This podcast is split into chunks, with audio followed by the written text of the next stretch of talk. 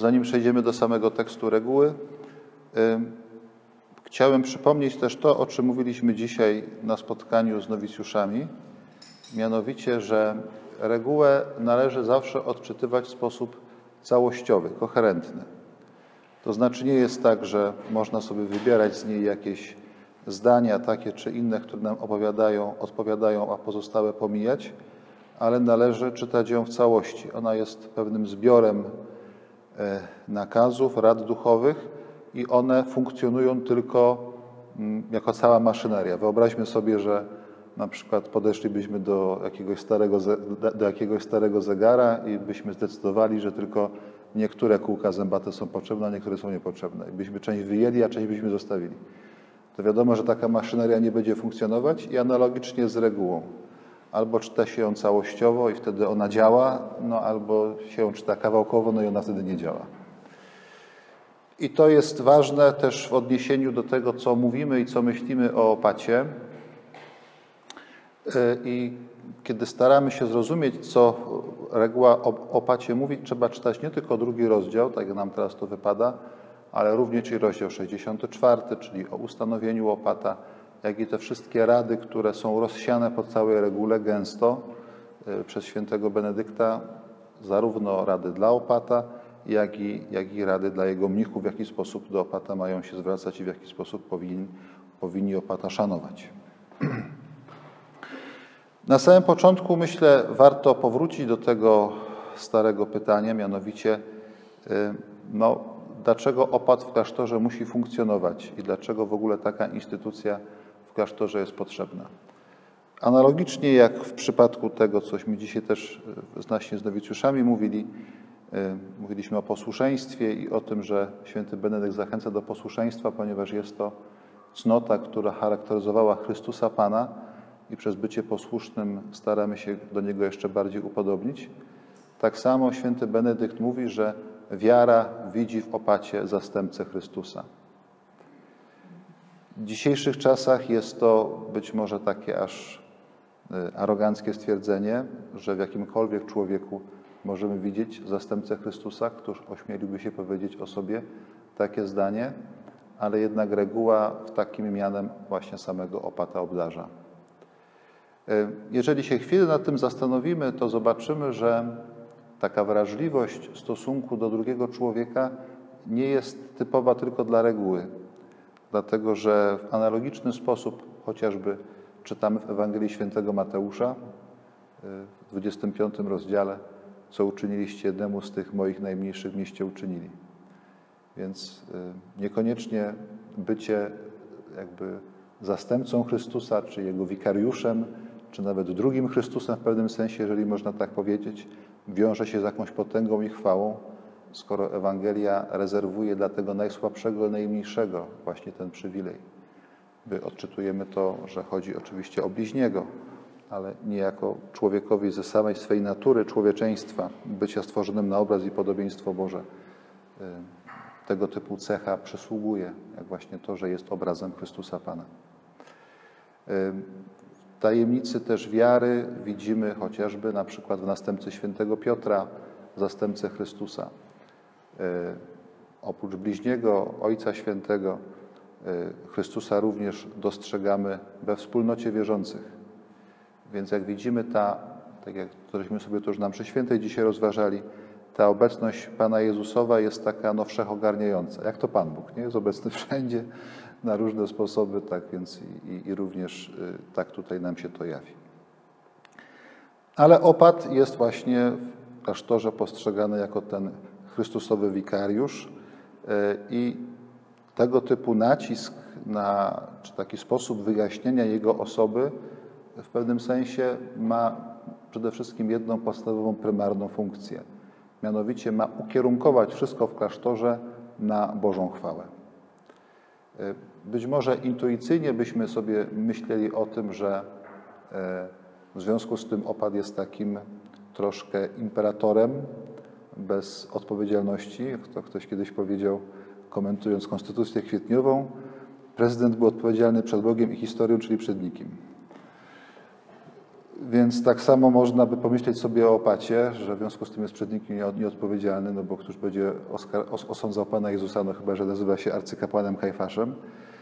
Ale to nie jest właściwe myślenie, dlatego że jeżeli pomyślimy o tym, że y, klasztor jest przede wszystkim domem Bożym i opat jest zastępcą Chrystusa, zatem zarówno wysiłek opata, jak i wysiłek wszystkich jego mnichów na Chrystusa powinien być zwrócony to właśnie nazwanie opata zastępcą Chrystusa ma uchronić klasztor przed tym, żeby stał się on przedsiębiorstwem.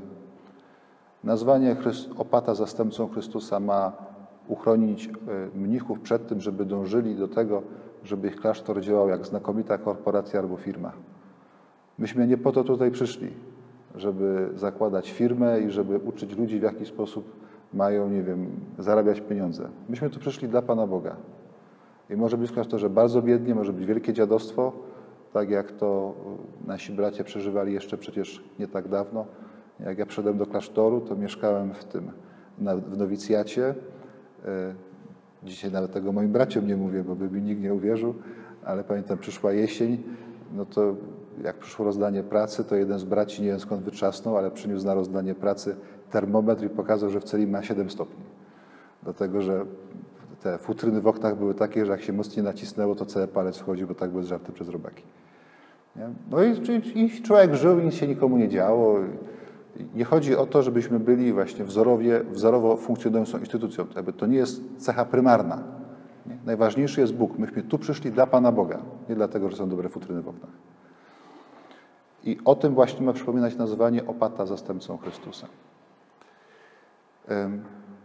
To zakłada od tego, to zakłada, że będziemy przede wszystkim postępować w duchu wiary, jakby będziemy ciągle podnosić oczy do góry i, i będziemy wiedzieli, że wszystko to, co tutaj robimy, robimy ze względu na to, co nas czeka w niebie.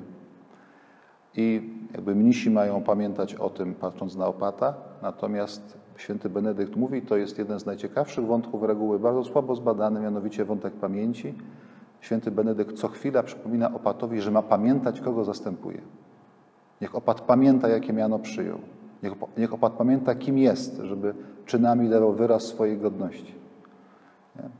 Dzisiaj, kiedy mamy takie kłopoty z pamięcią, a zatem i z tożsamością, ten nacisk na pamięć, a zatem pamiętaj, kim jesteś, nie? żeby Twoje czyny wyrażały Twoją osobę, nie? żeby jakby to było spójne, nie? żeby nie było rozbieżności czy takiego rozstrzelenia pomiędzy tym, kim jesteś, a tym, co robisz.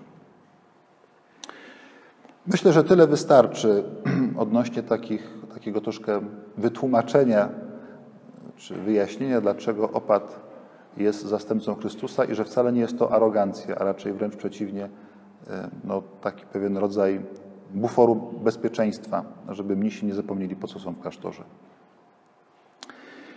Drugą kwestią, którą chciałem dzisiaj poruszyć, też odnośnie opata, to jest powiedzenie, że Y, właśnie takie dzisiaj prowokujące, zwłaszcza w naszych dzisiejszych czasach, że y, opat to jest autorytet. Y, I myślę, że teraz, kiedy mamy problemy z autorytetem generalnie w ogóle, wszyscy, zresztą wystarczy otworzyć gazetę, to strach otworzyć, bo za chwilę jakiś autorytet upada i jest poddawany wątpliwość, to jakby wymaganie od ludzi, żeby przychodzili do klasztoru i uznawali z góry czyjś autorytet, jakby bez sprawdzenia, no wydawać się może dzisiaj troszeczkę znowu, tak bym powiedział, aroganckie, analogicznie jak w przypadku y, tego nazywania opata wikariuszem Chrystusowym. I dlatego powinno nas to skłonić do pytania, co takiego musi się stać, żeby zaistniał autorytet. Czyli innymi słowy, co takiego musi stać się w klasztorze, żeby funkcjonował taki człowiek, który jest opatem i miał autorytet wśród braci. I tutaj, jak zresztą wszędzie indziej, są konieczne dwa warunki brzegowe. Po pierwsze, musi zaistnieć wspólnota, i po drugie, w tej wspólnocie musi zaistnieć dialog. Jeśli któregoś z tych elementów zabraknie, autorytet nie powstanie. I to mówię, bo to można ekstrapolować na inne jakby miejsca. Możemy mówić o autorytecie, o autorytecie w rodzinie, e, możemy mówić o autorytecie w systemie właśnie nie wiem, jakiegoś przedsiębiorstwa czy firmy, możemy mówić o autorytecie w kościele, możemy mówić o autorytecie w życiu społecznym, politycznym, publicznym. I we wszystkich tych miejscach warunkami, aby autorytet zaistniał, jest wspólnota i dialog. I zastanówmy się teraz nad tymi pojęciami. Co to znaczy wspólnota i dialog? To słowo wspólnota, znowu polskie, jest bardzo ładne, ten rzeczownik, dlatego że odwołuje się do tego, co jest wspólne. Czyli więź pomiędzy ludźmi może zaistnieć tylko na bazie tego, co oni mają wspólne. Im więcej tych wspólnych rzeczy pomiędzy ludźmi będzie, tym ta wspólnota będzie mocniejsza, bo tym więcej będzie ich łączyć. E, to jest troszkę tak, jak gdybyśmy sobie wyobrazili kogoś, kto trzyma się tylko za palec i próbuje tak przejść, a ktoś trzyma się za, za, za rękę, a kto kogo trzyma w objęciach. Prawda? W ten, sposób równie, w ten sposób również wyrażamy naszą wrażliwość czy nasz stosunek do poszczególnych ludzi ze względu na naszą bliskość. I tak samo im więcej jest tych punktów wspólnych, czyli tego, co nas łączy, tym ta wspólnota jest mocniejsza. Czyli przede wszystkim wspólnota, mówimy teraz właśnie o wspólnocie rodzinnej, o wspólnocie małżeńskiej, o wspólnocie zakonnej, o wspólnocie państwowej, no jaką tam tam wspólnotę sobie chcemy wymyślić. Przede wszystkim musi być wspólnota wartości. Muszą nas łączyć wartości. Musimy wyznawać, że to samo dla nas jest ważne. Jeśli dla jednego będzie ważne coś, a dla drugiego coś innego będzie ważniejsze, ta wspólnota jest bardzo poważnie zagrożona. I dlatego znowu wracam do tego nazwania opata wikariuszem Chrystusowym.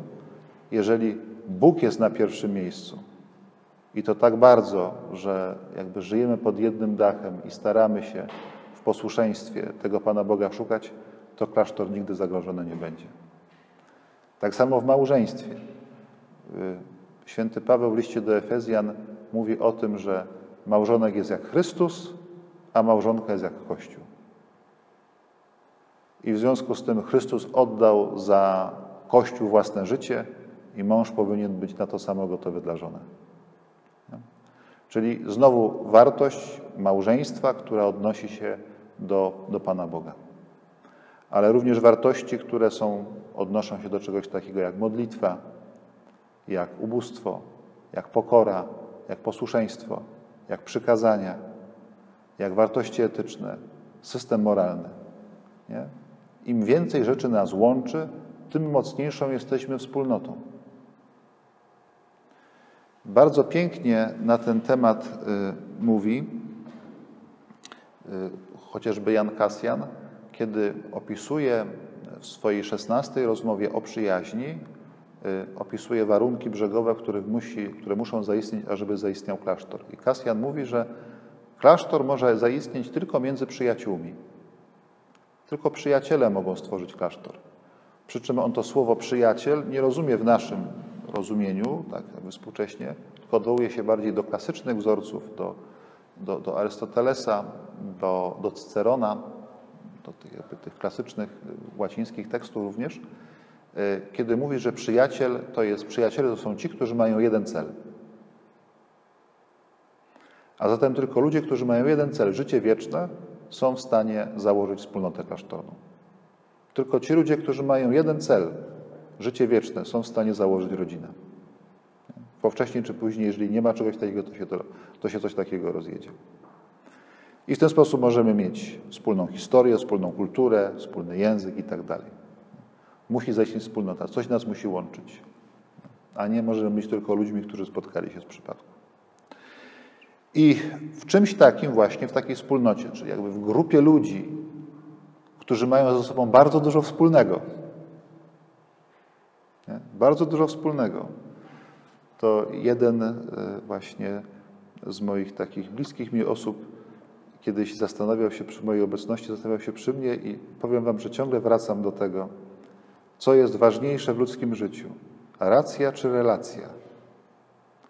Co jest ważniejsze, żebym miał rację po trupach z zadeptaniem drugiego człowieka, czy żebym miał dobrą i głęboką relację z drugą osobą? I żeby ocalić relacje, dlatego właśnie należy podjąć kolejny element y, wspólnoty, jakim jest dialog. Chciałem tutaj przeczytać tekst, do którego sam również bardzo często wracam, mianowicie mm, Etykę Solidarności księdza profesora Józefa Tischnera. Tischner pisze o dialogu, który toczy się właśnie we wspólnocie, dlatego że poprzedni rozdział właśnie jest tak zatytułowany Wspólnota. Natomiast o dialogu, który toczy się we wspólnocie, Tischner mówi tak. Dialog oznacza, że ludzie wyszli z kryjówek. Zbliżyli się do siebie i rozpoczęli wymianę zdań. Początek dialogu, czyli wyjście z kryjówki, jest dużym wydarzeniem. Trzeba się wychylić, przekroczyć próg, wyciągnąć rękę, znaleźć wspólne miejsce do rozmowy. Miejsce to nie będzie kryjówką, której człowiek pozostaje sam ze swoim lękiem, lecz miejscem spotkania, zaczątkiem jakiejś wspólnoty, być może nawet początkiem domu.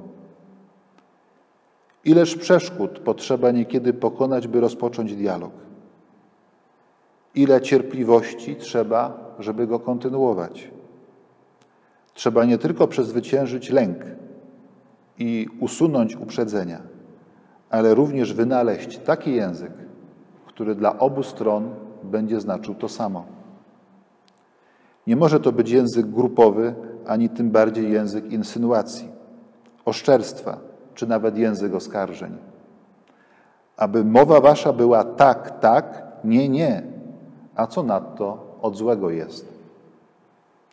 Język rzetelnego dialogu jest językiem rzeczowym, a więc językiem, który przystaje do rzeczy. To, co czarne, nazywa się czarnym, to, co białe, nazywa się białym. Nikt nie, usił, nikt nie usiłuje robić rozkoszy z bólu.